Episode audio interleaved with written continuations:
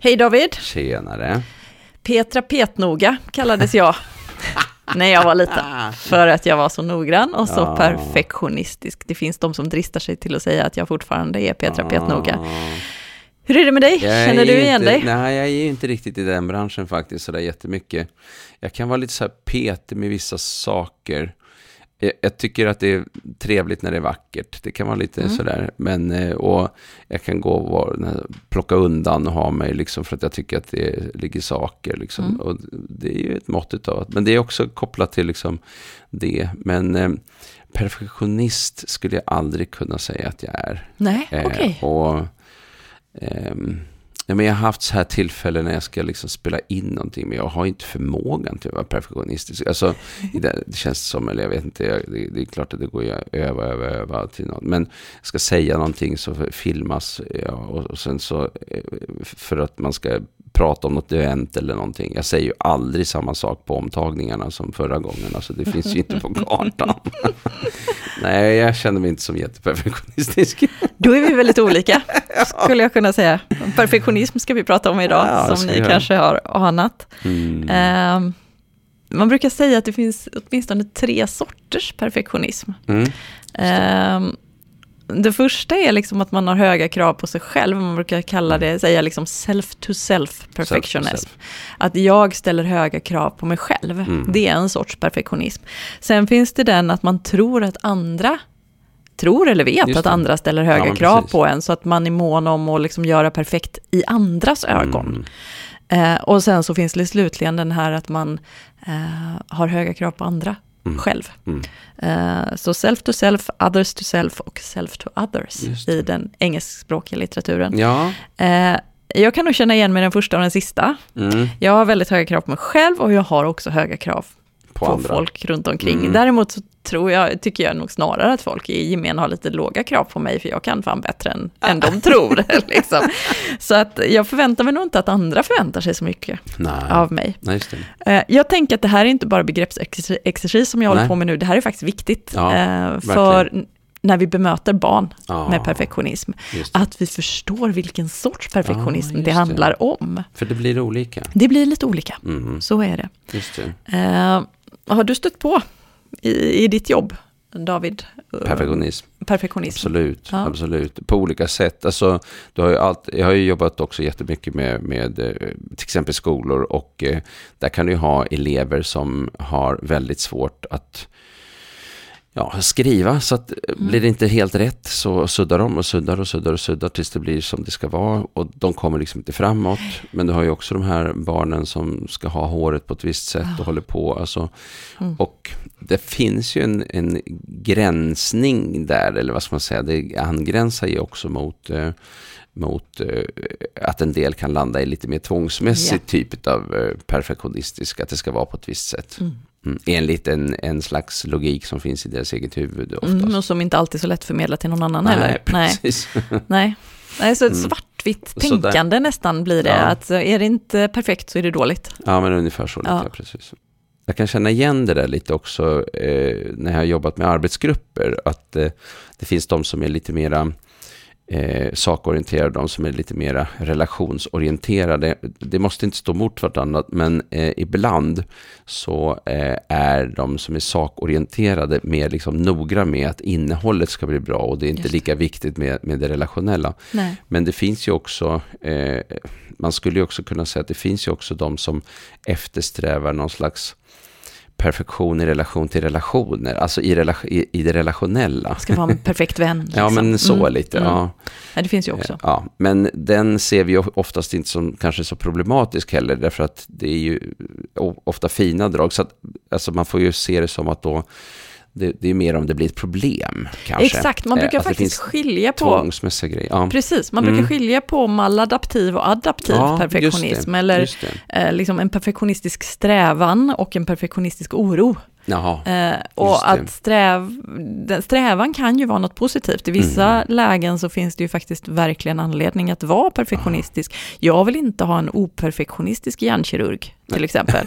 Det skulle vi Eh, inte vilja ha. Det, det är liksom, eller elitidrottare, det är också liksom, det är adaptivt Mm, att mm. vara perfektionistiskt lagd Ja. i vissa sammanhang. Just det, annars är det kört. Precis. Jag menar, du kan inte bli på elitnivå annars. Men sen så kan det också vara maladaptivt Ja. när det liksom påverkar ditt mående och kanske också din relation till omgivningen. Då. Ja, precis.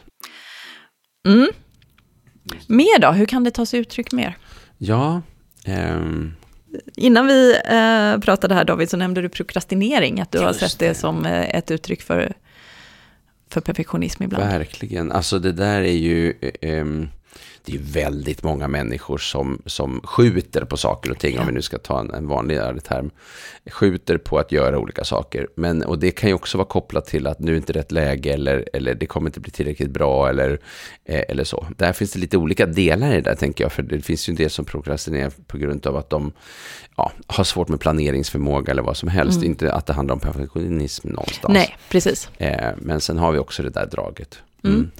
För jag Har- tror att en del Känner du skjuter... igen det från... Ja, en del skjuter på saker för att om jag inte eh, har försökt så har jag heller inte misslyckats. Liksom. Nej, där ja, Nej. när man inte ens har försökt. Ja, Nej, men precis. precis. Eller jag började ju inte förrän kvart i åtta igår kväll, så det var inte så konstigt. Så att man har egentligen en perfektionistisk strävan, men så hanterar man den genom att skjuta så länge, så att det är inte rimligt att det här blir... Liksom, det, det, det är ju ett maladaptivt att, sätt Ja. att hantera sin Ja, perfektionism. och det tycker jag att jag ser ju också i skolan. Eh, I skolans värld, eh, de här eleverna som eh, i relation till prov till exempel säger att jag är sämst eller det kommer gå till helskotta eller sådär och sen får de ändå A. Eller, eller de här som verkligen skjuter på det in i det sista för att eh, eh, om jag har börjat så sent så är det, så är det liksom inte möjligt att få ett bra betyg eh, till exempel. Eh, eh, så. så att, eh, Precis. ja. Och här tänker jag att här finns det någon inslag av liksom så här prestationsbaserad självkänsla. Mm. Också att det är som att det är viktigt att det går bra, för annars är jag dålig. Ja. Men om jag började sent så betyder det ju inte att jag var dålig, utan Nej. då var det ju dåligt för att jag började sent. Ja, liksom. det. Så det är ytterligare ett uttryck som den här perfektionismen Ja. kan ta sig. Mm. Sen kan det också ta sig uttrycket att man blir ganska oflexibel. Det här, nu pratar jag av egen erfarenhet. eh, att det, liksom, det spelar ingen roll om jag är sjuk eller trött eller vad det än är. Så det, det är samma krav som gäller ändå. Det är bara det här. Det är den här mallen det ska in i. Och det spelar ingen roll hur omständigheterna var. Nej. Och då blir man ju lite oflexibel, helt Mm, klart. Mm. Och, och sen kan det ju också ta sig uttryck, eh, perfektionismen naturligtvis, i att man liksom förbereder sig och arbetar minutiöst. Ja. Ja. Mm. Eh, mm. ja, Så jag tänker att det var de vanligaste uttrycken för perfektionism.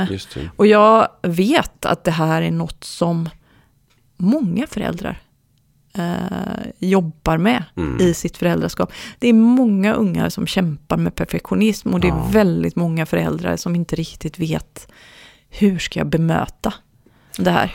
Nej, Det ställer till svårigheter. det ställer till svårigheter och det känns som att det finns väldigt, väldigt mycket utav eh, att jag är bra om jag presterar bra. Ja, Eh, Alltså den kombinationen. väldigt att, mycket liksom mm. prestationsbaserat egenvärde i det där. Eh, och det, det var intressant att du sa det, för jag tänker att det är en ganska vanlig vuxenrelation, som re, reaktion, Mm. som relaterar en hel del till det där. Det är att vuxna när barnet säger, det blev inte bra, jag Mm. kan inte, jag vågar inte, Mm. tänk om det inte funkar. Så säger den vuxna, men det är ju jättebra. Ja, just. Du har ju ritat jättefint, eller ditt hår Mm. är helt perfekt Ja, nu liksom. Eh, och jag förstår den reaktionen Ja, hos föräldern. Den är ju jättelätt att relatera Mm. till. För man vill liksom övertyga barnet om att men det är bra. Ja, liksom. Du behöver inte oroa dig. Och det är precis det som barnet hör, tänker jag. Mm. Att, eh, det är bra, alltså behöver du inte oroa dig. Nej. Och på så sätt så förstärker vi Ja, egentligen den här faktiskt. perfektionismen genom att försäkra barnet om att det är bra. Så det är det Mm. ena problemet när vi Ja, reagerar så. verkligen. Det är att vi faktiskt förstärker perfektionismen. Mm. Och det andra tror jag att det är att barnet får liksom inte riktigt förståelse Nej. I stunden. För när barnet säger sådär så det hon kanske egentligen skulle behöva höra det är hur jäkla, liksom, att mamma fattar eller pappa, Mm. Hur jäkla jobbigt nu. jobbig den här situationen Mm, mm. är för mig. Mm. Men istället så får man en försäkran om att men det är ingen fara för din, din Det prestation ser är så bra. bra ut. Ja, men precis. Ja. Mm.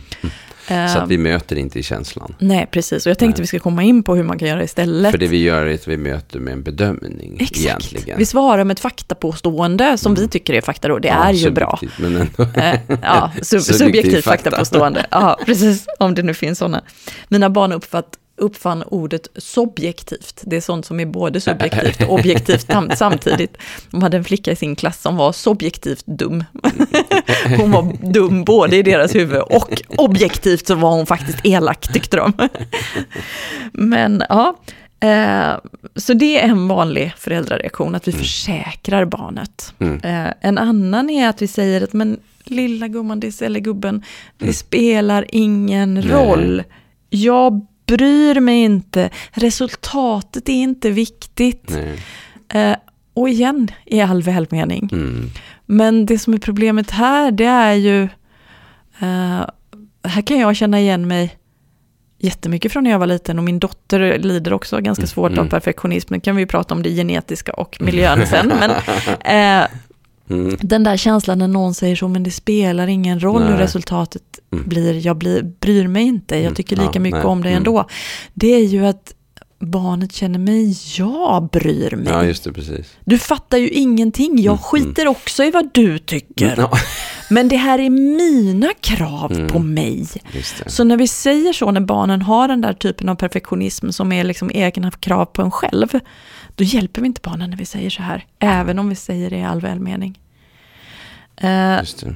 och sen slutligen, det här är min favorit, när, för, när de vuxna säger, eh, och det är väldigt vanligt att lärare gör också tycker jag mig ha märkt, men det är ingen fara, gör bara ditt bästa. Mm. Ja, och att säga det till en perfektionist, det är ganska, det är ganska hårda bud liksom. Det är en ganska hög ribba att lägga för en Ja, perfektionist. det. Gör bara ditt bästa, men mitt det. bästa, liksom, det är ju så här, jag kan ju föreställa mig jättemånga vackra saker i mitt Ja, huvud. det. Och så ska jag göra mitt bästa, alltså jag blir ju aldrig klar. liksom. Och eh, vad är mitt bästa liksom? Det Mm. är jäkligt otydligt. Det är extremt otydligt. Ja, liksom, ska jag hålla på i 30 dagar eller 30 minuter? Mm. Det, det spelar roll. Det spelar väldigt stor Och sen så tänker jag att det är också ganska orimligt påstående egentligen. Gör bara ditt bästa. Mm. Alltså hur ofta gör du ditt bästa David? Mm. Nej, precis. Alltså det där är jätteintressant. Ja. Vi, gör ju, vi ligger ju sällan på 100 procent. Nej men eller hur? Nej. Alltså jag, jag gör inte ens mitt bästa när jag borstar tänderna och det är ändå ganska viktigt. Ja. Ja, men man liksom gör good enough. ja. Ja, Mm. Och det är good enough. Liksom. ja. Men sällan för den som är den där perfektionistiskt lagda personen. Nej, Nej. precis. Mm. Eller hur? Mm. Så, Mm. vad ska man göra istället Ja. då? Ja, Har du några erfarenheter av vad som hjälper? jag tänker på det här med att eh, eh, möta känslan och lyssna. Att det är inte säkert att vi sitter inne med svaret på lösningen. Utan att eh, möta där istället. Det tror jag är en, en viktig faktor. Exakt. Eh, Hur kan, det, kan du ge något exempel på hur det kan låta? Alltså jag tänker på de här frågorna. Eh, hur blir det för dig? Eller vad känner du då? Eller vad tror du det beror på att du eh, känner så här just nu? Ja. Eller, så man får någon slags perspektiv. Man försöker liksom rama in det hela med de här frågeorden. Vad, när, hur, Mm. varför och sånt. Precis. Lite Och då så. tänker jag om jag var i den situationen, men gud vad skönt, här är det en vuxen som försöker fatta Ja. hur det här är det. för mig. Mm. Ja. Det tänker jag om jag går till mig själv som barn, jag hade verkligen behövt det. Mm. Att någon eh, ville fatta mitt perspektiv och Ja, inte bara eh, omväxlande sa, men det är bra eller bry dig inte. Utan bara, men gud, det här verkar jätteviktigt för dig. Jag vill fatta varför är det här så viktigt för dig. Just det. Ja. Mm. För det är ju utifrån det sen som vi kan hjälpa barnet vidare också. Ja, Nej, det, det är svårt att hjälpa barnet att hitta en lösning om jag inte riktigt förstår vilket problem som Nej, barnet precis. har. Liksom. nej men precis. Jag tror att det är en hel del vuxna människor som har gått i terapi på grund av perfektionism. kan man ju säga. Ja. Eh, och ehm, eh, där handlar det ju också någonstans om att se vad det är som ligger bakom att det blir på det här sättet. Mm. Varför är just den här prestationsinriktade, om, alltså som, som det ofta är, men eh, varför är det så viktigt att det ska vara så perfekt? Liksom? Vad, är- vad är det som ligger i det? Och, Och eh, där har vi också, vi matas ju också med eh, bilder kring eh, underbara liv runt omkring oss i Ja. sociala medier. Eh, och allt vad det är för någonting så, som, som liksom påverkar eh, så att även ehm, jag menar, i, i familjer och vuxna personer försöker liksom hitta det här. Vad, vad är det per, perfekta kalaset för mitt barn? Eller liksom, perfekt. och all den där eh, ångesten över pension. Jag, jag tänker julafton är väl det mest klassiska exemplet. Åh, ja, jag får... eh, på, på det där när det finns liksom massa krav på att det ska vara på vissa sätt, tänker jag. För det är ju kravet på att det ska vara på ett visst sätt som är liksom eh, det knep, knepiga där. Mm. Liksom. Precis. Där finns det ju, eh, tänker jag, väldigt mycket. Jag kan tänka mig att det finns en del överföringar där från Mm. vuxna i en familj till Mm. ens barn också, fast man kanske inte har tänkt på det på det sättet. Precis, och det är ju, nej men så är det. det dels så vet man ju att miljön, Mm. liksom hur, hur vi är som förebilder för Mm. våra barn har betydelse när det Ja. gäller perfektionism. Sen är det också ett ganska genetiskt. Ja, det det, har sån. visat sig att det finns Ja, en ganska stark absolut. genetisk komponent. Vilket jag tröstar mig väldigt mycket med då, eftersom jag har fått en hemskt perfektionistisk dotter. Det är bara genetiken. Eh, Men om man nu inte är som jag då, vet att det bara är genetiken, så kan man ju också vara behjälpt av att titta på sig själv. Ja, också. Alltså det behöver ju inte jag då, Ja, men nej. nej. ni förstår att jag är ironisk nu. Men vad förmedlar jag själv Mm. eh, till mitt barn när det gäller eh, vikten av att göra perfekta saker? Liksom. Och har man ett barn som är perfektionistiskt så, så kan det vara hjälpsamt att liksom även prata om sina misslyckanden och förmedla Ja. till barnet att det var inte hela världen. Idag gick det Nej. knas, men ja, det är okej ändå. Nej, Liksom. det. Ja. Så att Mm. man inte pratar om sina misslyckanden och herregud, jag vet inte vad jag ska ta mig till och det här är så förfärligt hemskt. Mm, liksom. mm, mm. Ehm, så fundera över vad man förmedlar. Ja. Ja. vad har du sett mer utav när det gäller det här med, eh, med lösningsfrågan liksom, och, och vad man kan hitta för ingångar där? Mm. Dels så har jag tänkt, några grejer, jag har tänkt på att det är viktigt att prata om när gick det bra, när hamnade barnet inte i den här perfektionistiska Mm. strävan, liksom, Mm. eller den För perfektionistiska den är oron. inte 24-7. nej, oftast inte i alla fall. Nej, men kolla idag så verkar det som du var helt liksom avslappnad på bildlektionen och det, Ja. det gick bra. Det. Eh, du, du hamnade inte i det där att det skulle bli perfekt. Nej, men det gjorde inte det idag. Har du någon idé om varför det blev annorlunda idag? Vad var det som var hjälpsamt? Liksom? Så att, att prata om det när det inte blir det perfektionistiska och försöka hitta nycklar där. Mm. Och som vi sa tidigare, att prata om liksom när det blir jobbigt. Eh, dels i stunden, att prata om hur blir det för dig. Ja. Eh, men också kanske framförallt utanför stunden. Du har märkt att det väldigt ofta blir jobbigt för dig när du sitter med matten. Och det verkar som Mm. att du är så himla mån om att inte, ingenting får gå fel. Berätta mer om det. Vad är det, har du någon idé om varför det blir så där jobbigt? Just och, det, så ja. Eh, också liksom, hur vill du att jag är i det läget? Vad är hjälpsamt för dig? Vad är inte hjälpsamt? Mm. För att det är ofta väldigt svårt att prata om perfektionismen och lösningar på den i stunden, för att affekten är ju hög i Ja, stunden. Liksom. Mm, mm. Ehm, sen kan jag ibland Eh, uppleva att det är hjälpsamt att prata med barnet om att nästan göra som bedömningsskalor. Hur viktig är den här uppgiften på en skala? Mm, Och att man mm. liksom jobbar in det med barnet, att man kanske har en femgradig skala där fem det är, liksom, det är grejer på liv och död. Ja. mm, mm. Det, det är liksom, ett matteprov kan aldrig vara en femma. Ja, just det. Det, det kan max vara en fyra om det handlar om huruvida liksom, kanske jag kommer in på gymnasiet eller inte beroende på hur det går på det här provet. Ja, men då kanske det är en fyra. Eh, men femmor, det, det reserverar vi för hjärntransplantationer och liksom andra riktigt allvarliga saker. Och sen, för allt som måste göras, måste ju inte göras på en perfekt nivå. Liksom gå ut med Nej. soporna, det behöver Mm. jag bara göra. Mm, Det är en etta liksom. just det. Ja. Eh, så att, att komma in i det tänket och snacket med barnet, vad är det, här, vad är det för nivå på det här? Ja.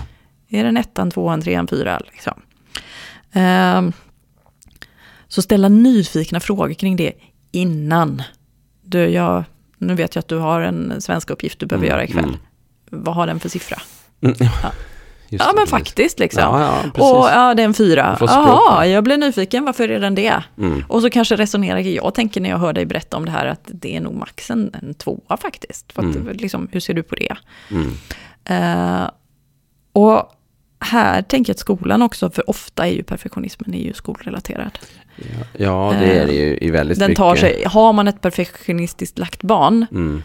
Så spiller det ofta över på skolan. Den kan ju också vara kopplad, och det är ju också då, men då är det kopplat till kompisar och uttryck också, men det här Ja. att man är så perfektionistisk med sitt utseende. Ja, absolut. Alltså vi har ju en del som lägger hur många timmar som helst Mm. på att sminka sig på morgonen Ja. och kommer inte iväg till skolan i tid. Eller, eller andra sådana här saker som är liksom i, i, i den vägen. Skolan bidrar ju otroligt mycket eh, eftersom den är så enormt prestationsorienterad. Och eh, det, det är ju någonting som vi inte ser i vuxenlivet alls på samma sätt faktiskt. Eh, det här att eh, det ständiga bedömning och ständiga prov och så, särskilt när vi kommer högre upp i åldrarna. Alltså eh, att allting är liksom relaterat till Mm. i slutändan en bedömning, ett prov och, och att själva lärandet i sig eh, är inte liksom det viktigaste, utan det viktigaste kan till slut bli Mm. eh, själva bedömningen och hur det går på bedömningen. Exakt, och vi har Eh. nästan hamnat i ett läge i skolan där, alltså min upplevelse är att tidigare så här var det väldigt uppdelat. Först hade vi inlärning och sen hade vi ett prov där, som man bedömdes på. Och nu upplever jag, utifrån vad mina barn berättar, att skolan är liksom bedömning hela tiden. Mm. Ja, man skiljer inte så mycket på inlärning och bedömning, utan det, du bedöms på allt du gör hela tiden i klassrummet. Och det skapar ju naturligtvis grogrund för ännu mer perfektionism. Du ska inte bara vara perfekt på provet, du ska vara perfekt hela tiden, överallt. Det jag tänker, skulle, skolan kan ändå göra några grejer. Eh, dels så kan de eh, hjälpa barnet när man får liksom läxor och uppgifter i skolan, att hjälpa barnet med precis det jag pratade om tidigare, vad är det här på en skala? Är det en etta eller en fyra?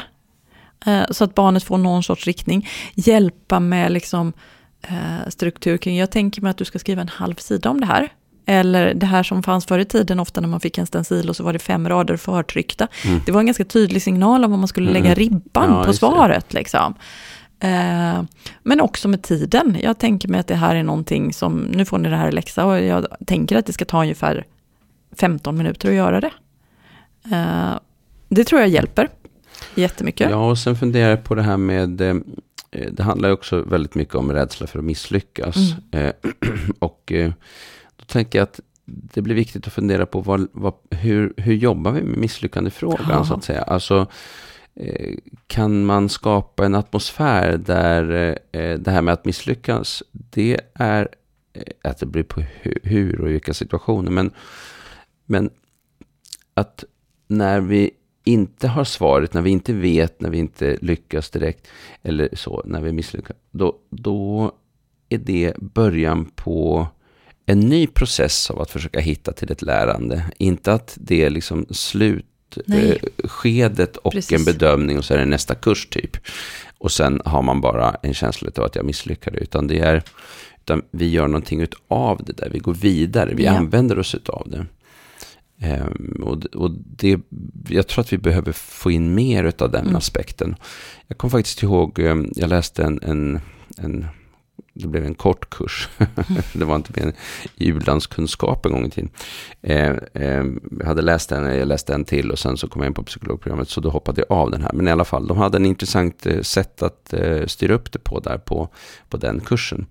Och det var att när man hade gjort ett prov så, så eh, jobbade man igenom det Ja. och sedan eh, kikade på det som inte blev så bra och sen så jobbade man med det så att det blev eh, så att man liksom hamnade mera rätt Mm. eh, tillsammans med andra då. De hade en metod för det och jag, jag kommer inte ihåg exakt detaljerna men det intressanta var att själva idén var att eh, provet var inte det slutliga och Nej. misslyckandet var inte det slutliga utan det var, det var eh, en språngbräda för ytterligare lärande.